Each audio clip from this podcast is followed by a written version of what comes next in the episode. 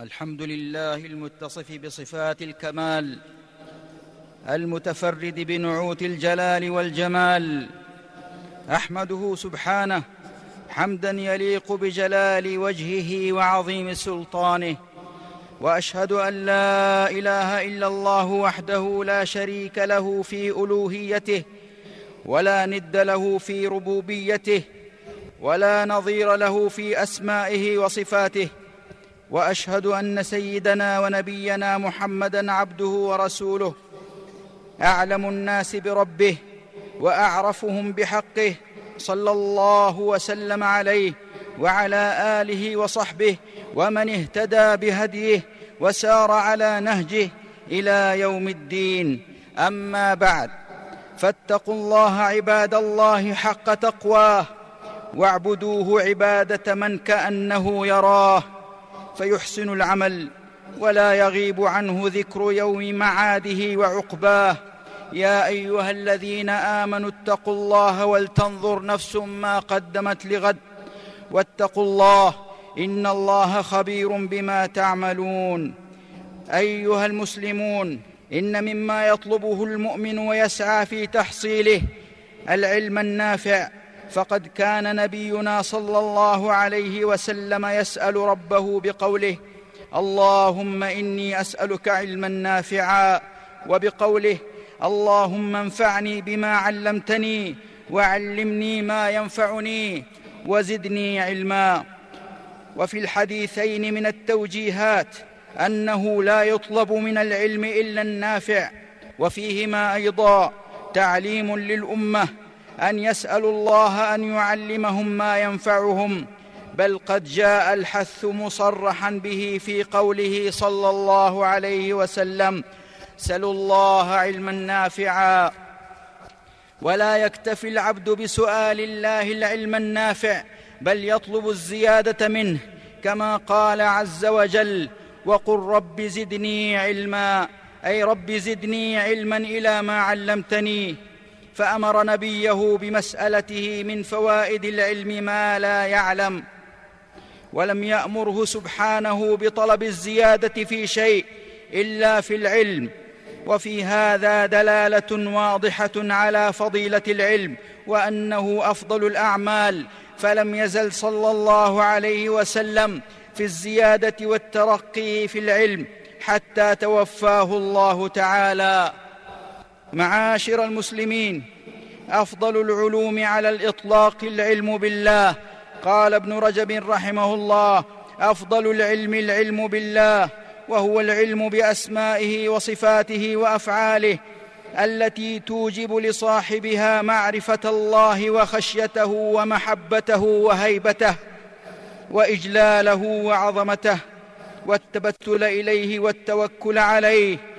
والرضا عنه والانشغال به دون خلقه.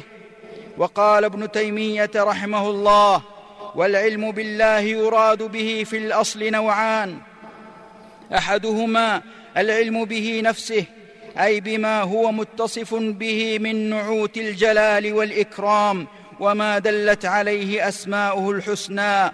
وهذا العلم إذا رسخ في القلب أوجب خشية الله لا محالة فإنه لا بد أن يعلم أن الله يثيب على طاعته ويعاقب على معصيته.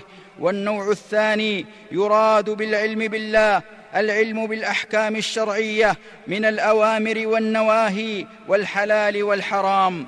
وقال ابن القيم رحمه الله فالعلم بالله أصل كل علم وهو أصل علم العبد بسعادته وكماله ومصالح دنياه وآخرته.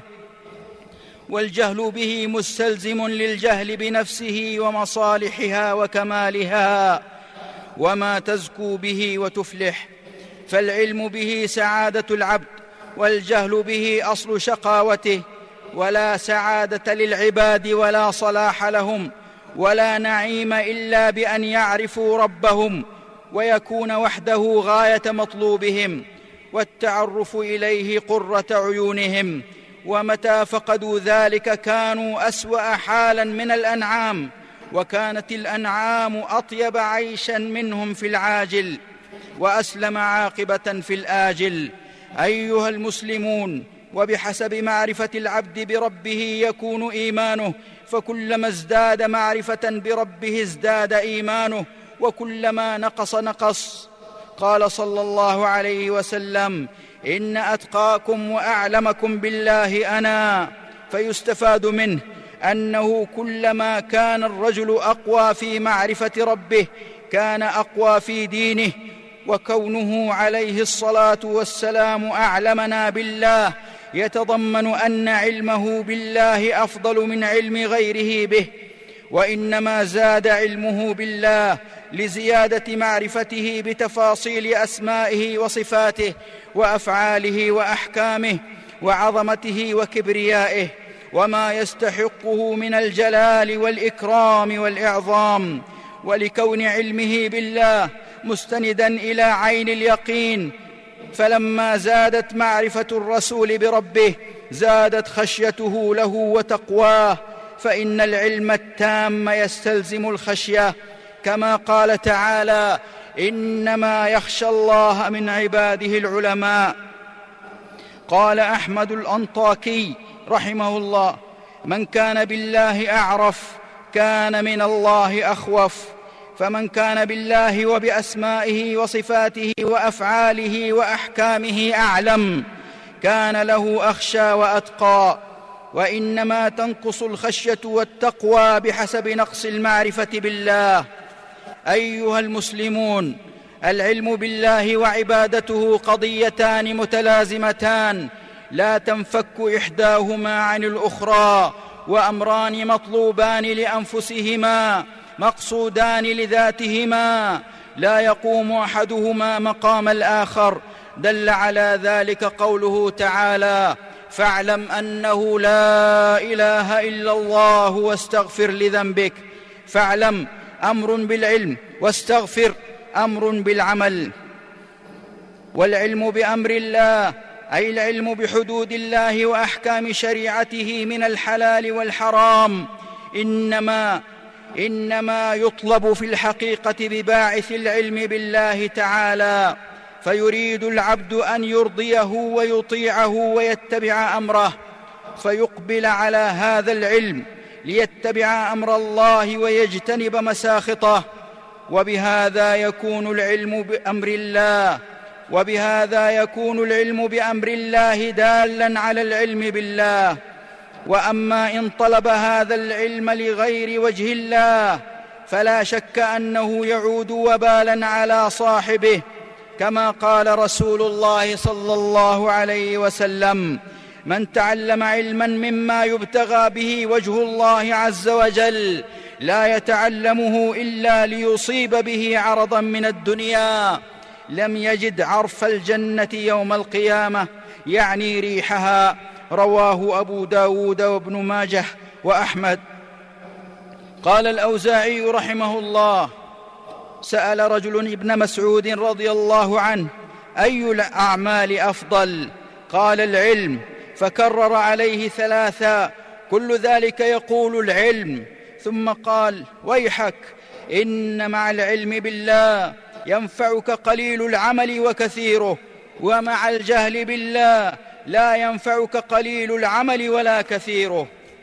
عباد الله وكما أن أعظم علم ينفع الإنسان في عاجله وآجله هو العلم بالله تعالى وبما يرضيه فأعظم الجهل وأشده وأشنعه الجهل بالله تعالى وبدينه الذي ارتضاه لعباده ومن عطل عقله عن تحصيل ما ينفعه من العلوم الشرعية التي بها يقيم دينه ويعبد ربه فهو من الجاهلين. ولو كان مبرزا في علوم الدنيا إذ إن أضر شيء على العباد أن يجهلوا ما ينفعهم وما يضرهم وما يقربهم من الله تعالى وهو الإيمان به وطاعته واتباع رسله. ولذلك امتدح الله تعالى العلم والعلماء وذم الجهل وأهله وأخبر أن أهل العلم وأهل الجهل لا يستويان ابدا. قل هل يستوي الذين يعلمون والذين لا يعلمون؟ إنما يتذكر أولو الألباب والجهل بالله تعالى وبدينه وبالحساب يوم القيامة من أعظم ما يعيق المرء عن الاستجابة للحق ويدفعه إلى الوقوع في المحرمات والمعاصي. من عرف الله حق معرفته وآمن بصفاته الكاملة وقدرته التامة عصمه إيمانه من شرك العبادة إذ لا يبتلى به إلا من لم يقدر الله حق قدره. فقد ذم الله تعالى عدم توقير طائفة من عباده له فقال تعالى ما قدروا الله حق قدره إن الله لقوي عزيز فالمشركون لم يؤمنوا بقدرة الله عليهم فلم يقدروه حق قدره. أيها المسلمون إن موجة الإلحاد قد اجتاحت بلاد العالم فاكتسبت انصارا وشهدت تمددا حتى زحفت نحو بلاد المسلمين وخاصة الشباب فعصفت بقلوب من جهلوا ربهم ولم تتأسس معرفته في نفوسهم وتسللت إلى عقولهم وفكرهم فجعلتهم حيارى متذبذبين. بل قد أفضى ذلك ببعضهم إلى إنكار الرب وهجر العبادات وانقطاع الانتماء لمجتمعهم المسلم حاملين ثقافة دخيلة مستوردة قائمة على الشك وناقمه على الثقافة الإسلامية. وهذه الموجة الإلحادية تستدعي من باب النصح للأمة ونصرة الحق قيام أهل العلم بواجبهم في التصدي لها دحرا لجهود حاملي لوائها وكشفا لحقائقهم. فدعاة الإلحاد يحرصون على نشر باطلهم لدى الفتيان والفتيات خاصة فيخاف على افتتان الشباب بهم. أكثر مما يخاف من غيرهم من دعاة الباطل فإنهم لا يألون جهدا في بث الإلحاد. بأساليب شتى وصور مختلفة فكان ضررهم أكثر وتأثيرهم أكبر. ومما يجدر ذكره أن فكر الإلحاد يعني في مضمونه ميل الإنسان عن فطرة الألوهية والتدين وعن المنهج الحق الذي أمره خالقه باتباعه. والمسلم بحاجة إلى أن تستقر معاني توحيد الربوبية في نفسه لأنه هو معرفة الله تعالى وهو أصل الدين فقضايا توحيد الربوبية تخفى على كثير من عوام المسلمين. أيها الإخوة في الله يجب عف يجب في مثل هذا الزمن الذي تعرض فيه موجات الإلحاد لبعض من لم يتعلم العقيدة الصحيحة ولم يتشبع منها وضعف تعظيم الله في نفسه. يجب أن نحمي مجتمعنا وشبابنا من هذا الخطر العظيم الداهم وهو الكفر بالله جل وعلا. وذلك بتأصيل هذه المسألة العقدية العظيمة وتفصيلها بعرض دلائل توحيد الله في ربوبيته وإثبات وجوده وتبسيطها للناس والتعريف بها والتأكيد عليها بما يكون حصنا حصينا للقلوب عن وقوع الشك والريب فيها فلا تنطلي عليها شبهات وأوهام أهل الضلال ودور المصلحين في هذه الأمة إذا جاءت الآيات التي فيها ذكر الله وذكر عظمته أن يرققوا القلوب بها وإن عدم العناية اللازمة بقضية الربوبية يؤدي إلى تنامي ظاهرة الإلحاد وإنكار وجود الرب تقدس وتعالى. أقول هذا القول وأستغفر الله لي ولكم إنه هو الغفور الرحيم. الحمد لله الحي القيوم لم يتخذ ولدا ولم يكن له شريك في الملك ولم يكن له ولي من الذل وأشهد أن لا إله إلا الله لم يزل متسميا بأسمائه الحسنى متصفا بصفاته العلى لا تبلغه الأوهام ولا تدركه الأفهام ولا يشبهه الأنام. سبحانه وتعالى عما يقول الظالمون علوا كبيرا. وأشهد أن سيدنا ونبينا محمدا عبده ورسوله أفضل الخلق وأخشاهم لربه وأتقاهم صلى الله عليه وعلى آله وصحبه صلاة وسلاما دائمين إلى يوم الدين. أما بعد فيا عباد الله من عرف ربه فأي شيء جهل ومن لم يعرف ربه فأي شيء عرف. قال ابن القيم رحمه الله أي شيء عرف من لم يعرف الله ورسله وأي شيء وأي حقيقة أدرك من فاتته هذه الحقيقة وأي علم أو عمل حصل لمن فاته العلم بالله والعمل بمرضاته ومعرفة الطريق الموصلة إليه وما له بعد الوصول إليه. إن القلوب إذا لم يحركها حادي معرفة الله عز وجل وتعظيمه فإن العطب سيتمكن منها والران سيكسوها فأي شيء يريده قلب لم يتعرف على الله عز وجل. إن الحياة المادية إذا استغرق فيها العبد وابتعد عن تذكير قلبه بمعرفة الله فإنه ولا شك سيستجلب الهموم والغموم ويبتعد عن التوفيق بل وعن لذة الحياة.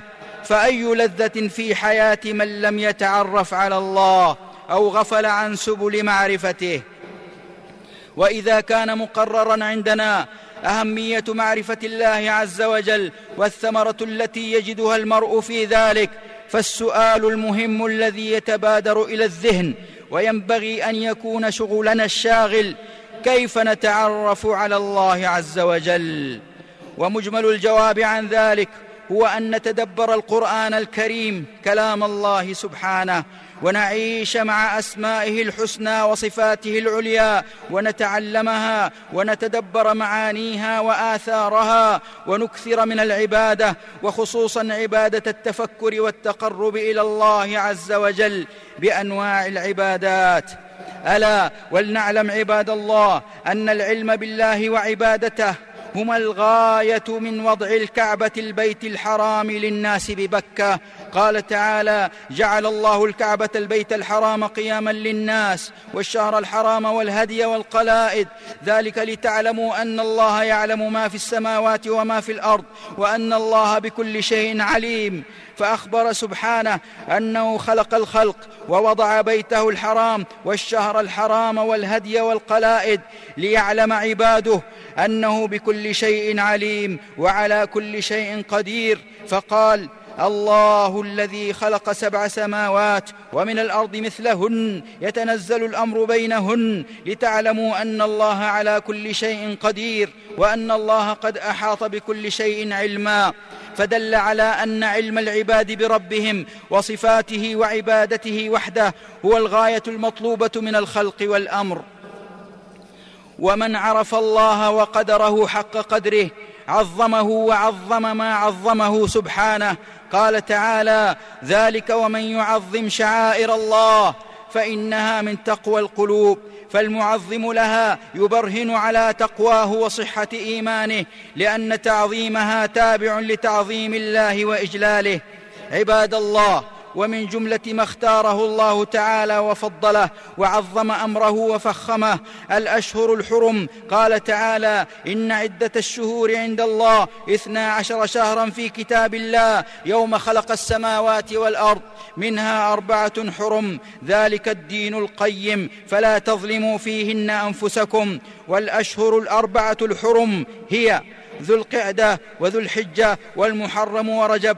قال ابن عباس الله عنهما في قوله فلا تظلموا فيهن أنفسكم في كلهن ثم خص من ذلك أربعة أشهر فجعلهن حرما وعظم حرماتهن وجعل الذنب فيهن أعظم والعمل الصالح والأجر أعظم فحري بمن عرف الله أن يعظم ما عظم الله وأن يستشعر شرف الزمان وشرف المكان فلا يتعدى حدوده ولا يرتكب محارمه. ألا وصلوا وسلموا رحمكم الله على الرحمة المهداة والنعمة المسداة الذي عرفنا ربنا وعلمنا ديننا. إن الله وملائكته يصلون على النبي. يا أيها الذين آمنوا صلوا عليه وسلموا تسليما.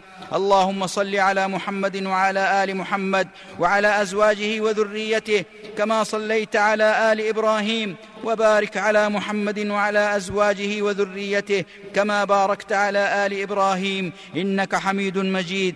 اللهم أعز الإسلام والمسلمين وأذل الكفر والكافرين وانصر عبادك الموحدين ودمر أعداءك أعداء الدين.